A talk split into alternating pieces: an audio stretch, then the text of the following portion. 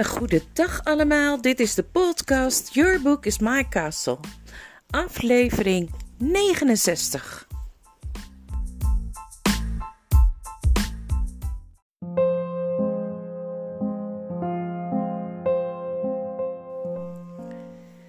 Hoofdstuk 7 van de Zeereis van de Dageraad. En er staat boven hoe het voor Eustace afliep. Eustace was een draak geworden.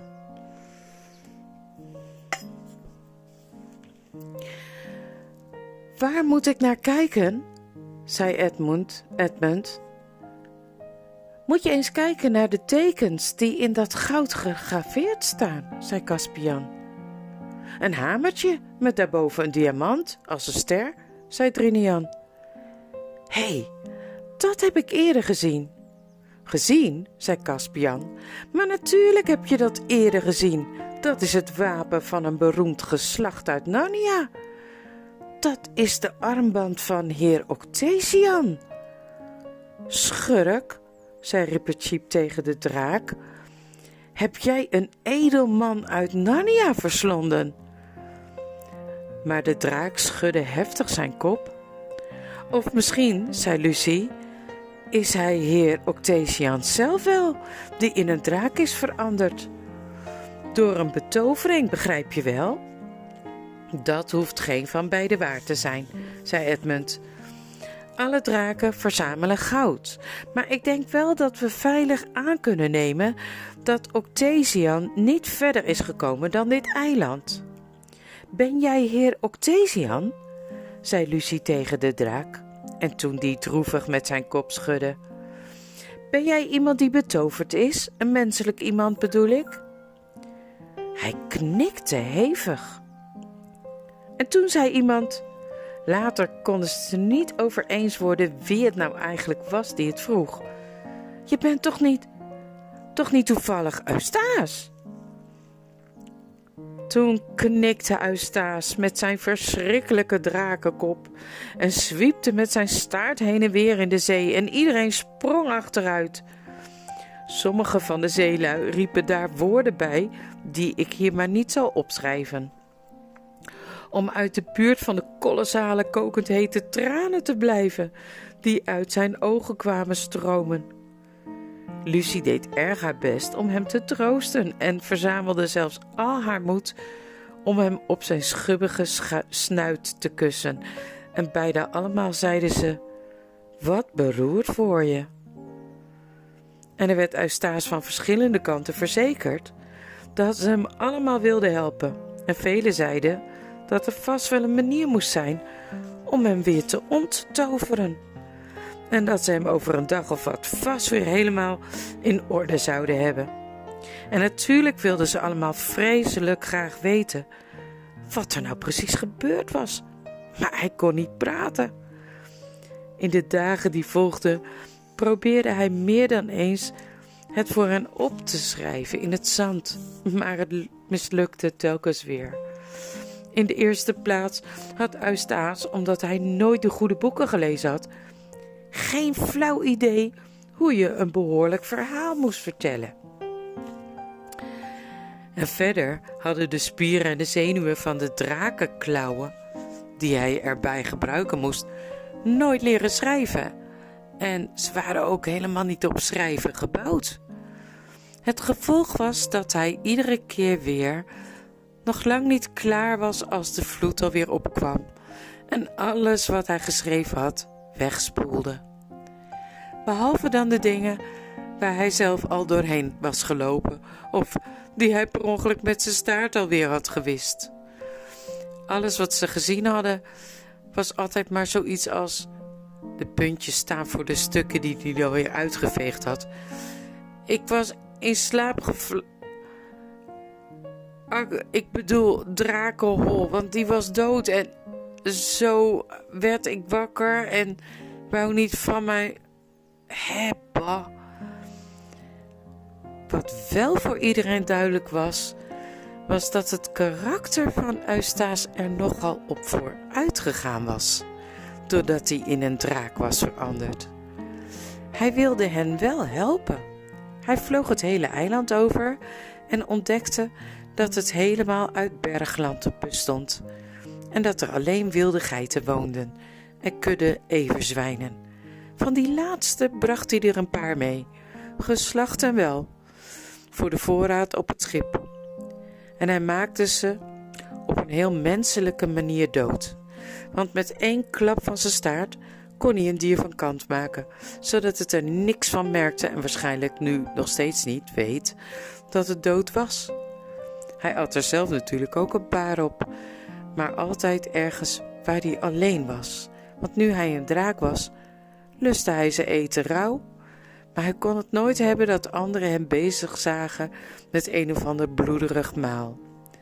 En op een dag kwam hij langzaam en doodmoe, maar heel triomfantelijk naar het kamp terugvliegen met een geweldig lange dennenboom die hij in een afgelegen dal met wortel en al uitgetrokken had en waar ze een schitterende mast van konden maken.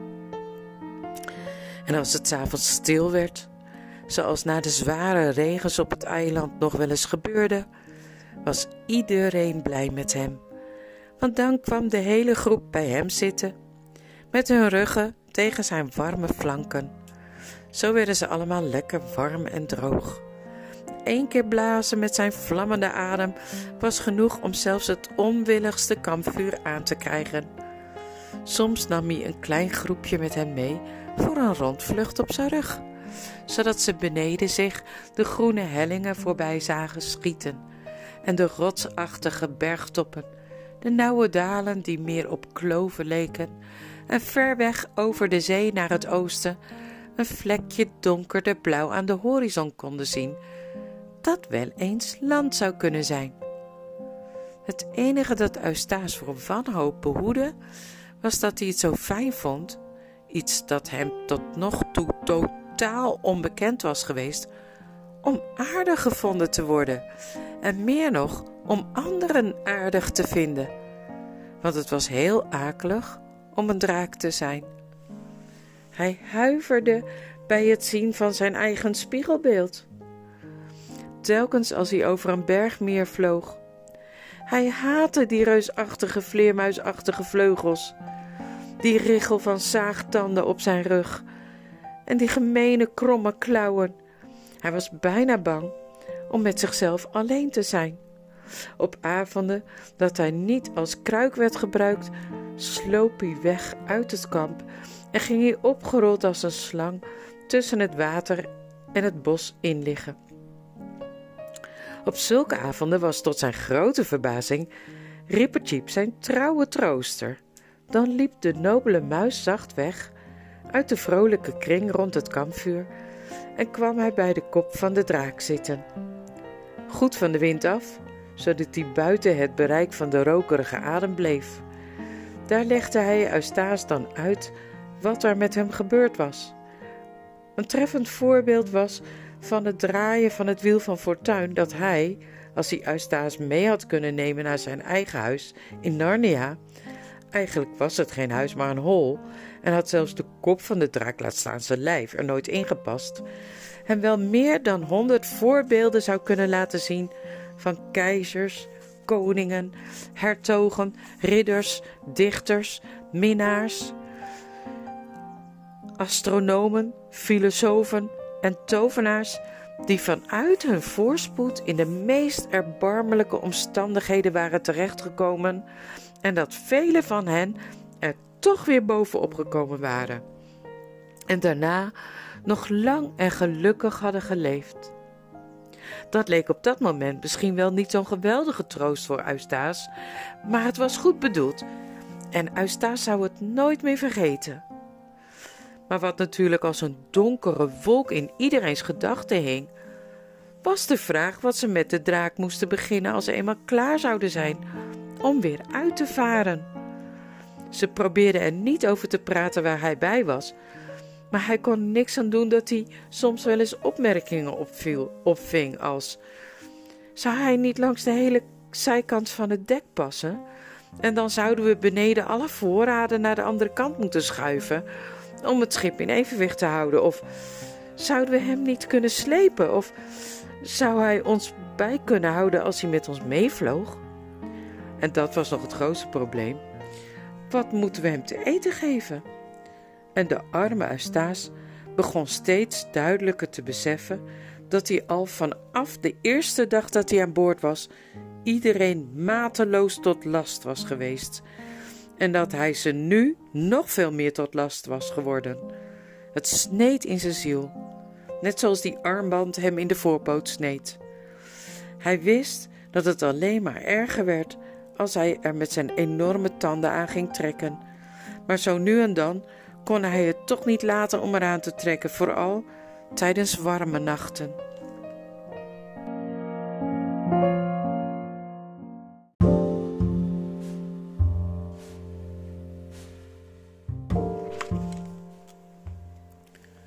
Een dag of zes nadat ze op Drakeneiland aan land gegaan waren, werd Edmund op een ochtend toevallig heel vroeg wakker. Het begon juist te schemeren, zodat je de boomstammen tussen jezelf en de baai kon onderscheiden, maar als je de andere kant op keek, niet. Toen hij wakker werd, dacht hij dat hij iets hoorde bewegen. En hij kwam overeind en steunde zich op zijn ene elleboog.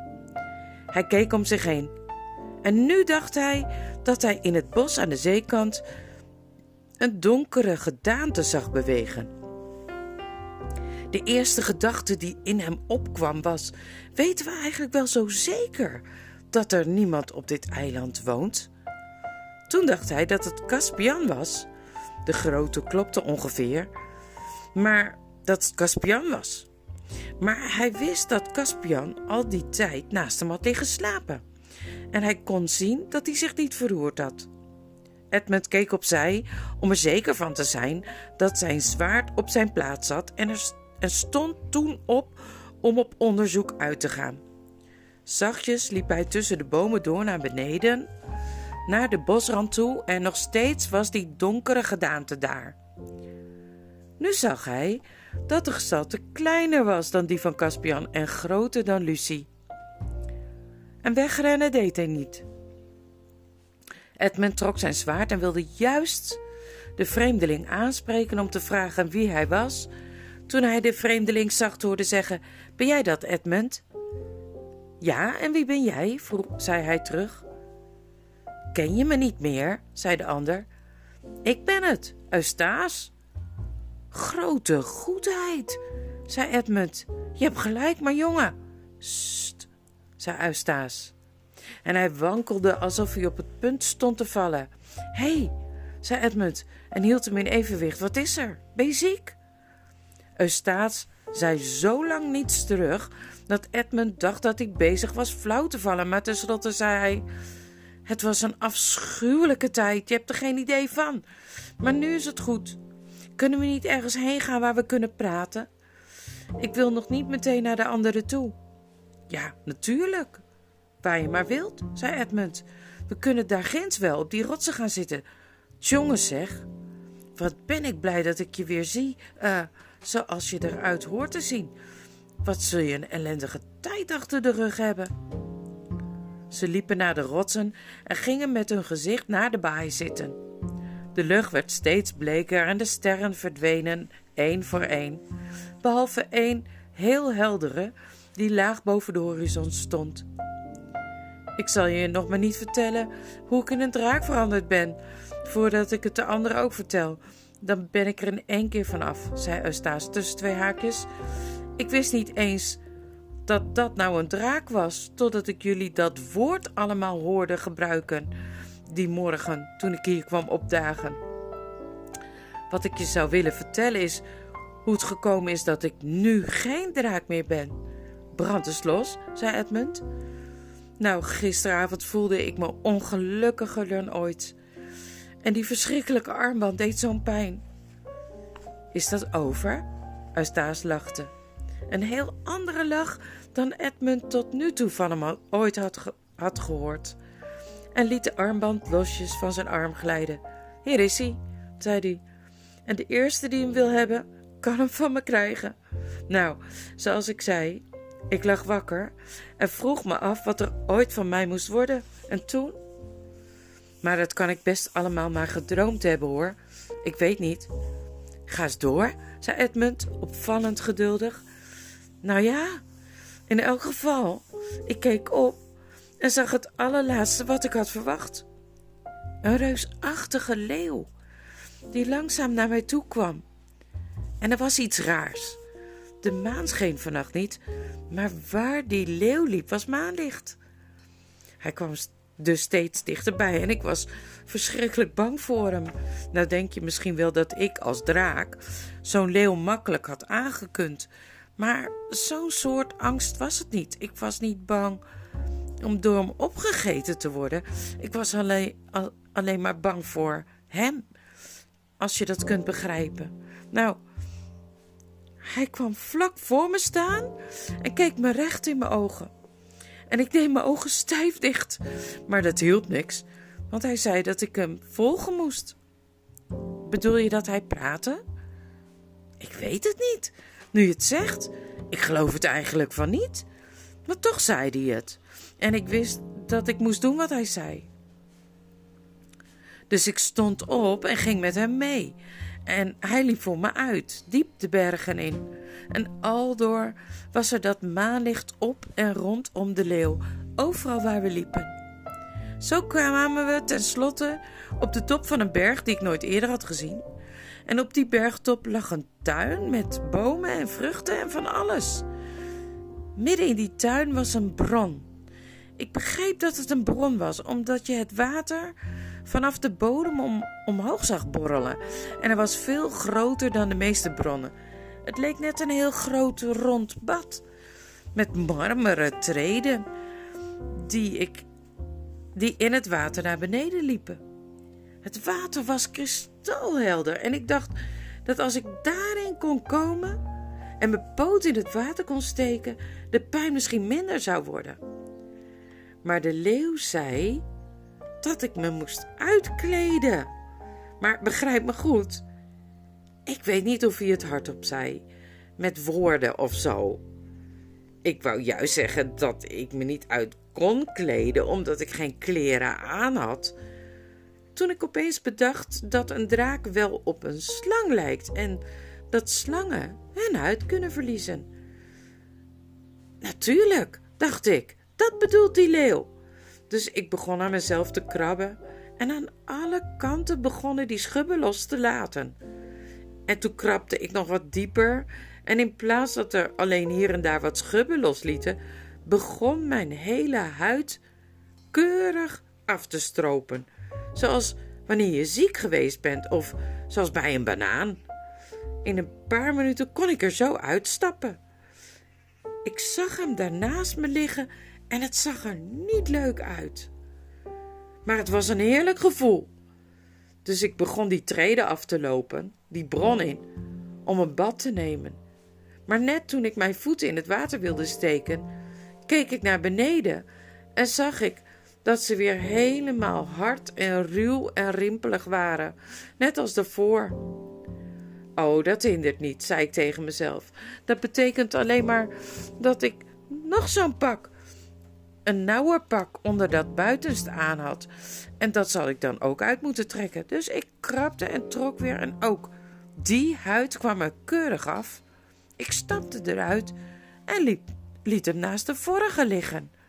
Ik stapte weer de bron in om mijn bad te nemen. Nou, en toen gebeurde weer precies hetzelfde. En ik dacht bij mezelf: goeie grutte, hoeveel van die huiden zou ik uit moeten trekken? Want ik wilde zo graag mijn, voet in het water steken. Dus voor de derde keer, ik krabbe, haalde de derde huid eraf, net zo één als die vorige twee, en stapte eruit. Maar zodra ik mezelf in het water bekeek, wist ik al dat het niks geholpen had. Toen zei de leeuw, maar of hij praatte, weet ik niet. Je zult het mij moeten laten doen. Laat mij je uitkleden. Ik was doodsbang voor die klauwen van hem. Dat kan ik je vertellen. Maar intussen was ik er wanhopig van. Dus ik ging gewoon maar plat op mijn rug liggen om hem het te laten doen. En die allereerste haal van zijn klauw ging zo diep dat ik dacht dat hij dwars door mijn hart heen ging. En toen hij mijn huid eraf begon te trekken, deed dat meer pijn dan alle andere dingen die ik ooit heb gevoeld. Het enige waardoor ik het kon verdragen was dat het echt een fijn gevoel was als dat spul losliet. Je weet wel, net, wanneer je een net als wanneer je een korstje van een wond afkrapt, doet heel erg zeer, maar het is zo lekker om het eraf te halen. Ik weet precies wat je bedoelt, zei Edmund. Nou, hij haalde al dat akelige spul eraf. Precies zoals ik dacht dat ik het die drie keer ervoor zelf gedaan had. Alleen had het die drie keer geen pijn gedaan. En daar lag het, in het gras. Alleen zag het er veel dikker en donkerder en knobbeliger uit dan die andere huiden. En daar stond ik, zo zacht en glad als een schoon geschild wilgetakje en kleiner dan eerst. Toen pakte hij me beet. Dat vond ik niet zo leuk, want mijn buitenkant was heel gevoelig, nu ik geen huid meer aan had. En hij gooide me in het water. Dat deed ontzettend pijn, maar dat was maar heel even. Daarna was het gewoon verrukkelijk en ik begon te zwemmen en te ploeteren en merkte dat de pijn in mijn arm helemaal weg was. En toen zag ik pas waarom. Ik was weer een jongen geworden. En als ik je zou vertellen wat ik op dat moment van mijn eigen armen vond, zou je me vast een aansteller vinden. Ik weet wel dat ik geen spierballen heb en dat mijn armen vergeleken bij die van Caspian niks voorstellen, maar ik was zo ontzettend blij dat ik ze weer zag. Na een poosje haalde de leeuw me eruit en kleedde me aan. Kleedde je aan? Met zijn poten? Nou ja, dat gedeelte kan ik me niet zo goed meer herinneren. Maar op de een of andere manier kleedde hij me aan. Hij trok me nieuwe kleren aan. De kleren die ik nu aan heb, om precies te zijn. En toen was ik opeens hier weer terug. Daarom denk ik dat het waarschijnlijk een droom is geweest. Nee, het was geen droom, zei Edmund. Hoe weet je dat? Nou, om te beginnen, die kleren en ook dat je, nou ja, ontdraakt bent. Wat denk jij dat het geweest is? vroeg Eustace. Ik denk dat je Aslan hebt gezien, zei Edmund.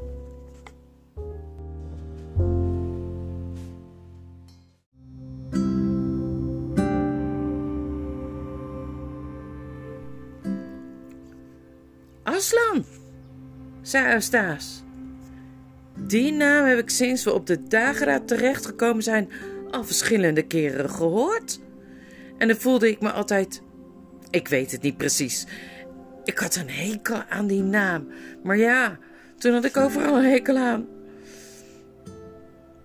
En ik wil je tussen twee haakjes graag mijn excuses aanbieden. Ik ben bang dat ik me nogal beestachtig heb gedragen. Dat is wel in orde hoor, zei Edmund. Om eerlijk te zijn, jij was nog lang zo erg niet als ik toen ik mijn eerste reis naar Narnia maakte. Jij was alleen maar een uilskuiken, maar ik ben een verrader geweest. Nou, vertel me daar dan maar niet over, zei Eustace. Maar wie is Aslan? Ken je? Tja, hij kent mij, zei Edmund. Hij is de grote leeuw, de zoon van de grote keizer over de zee, die mij en heel Narnia gered heeft. We hebben hem allemaal wel eens gezien. Lucie ziet hem het vaakst. En het zou best kunnen dat we nu bezig zijn naar het land van Aslan toe te varen. Een hele tijd lang zeiden ze geen van beiden iets. Ook de laatste heldere ster was nu verdwenen en hoewel ze door de bergen aan hun rechterkant de zonsopgang niet konden zien, wisten ze dat de zon aan het opkomen was. Doordat boven hun hoofden de hemel en aan hun voeten de baai de kleur van rozen begon te krijgen. In het bos achter hun rug klonk de papegaaiachtige schreeuw van een vogel. Ze hoorden geritsel tussen de bomen en tenslotte de stoot van Caspians hoorn. Het kamp werd wakker. Groot was iedereen's vreugde toen Edmund de kring om het kampvuur binnenkwam, waar de anderen zaten te ontbijten. Met een Eustace die er weer uitzag als de oude. En nu kregen ze allemaal het begin van zijn verhaal te horen. Toen Eustace uitverteld was, vroegen ze zich af of die andere draak jaren geleden heer Octasion soms gedood zou hebben, of dat die oude draak heer Octasion zelf geweest was. De juwelen waarmee Eustace in het hol zijn zakken volgepropt had, waren samen met de kleren die hij toen aan had verdwenen.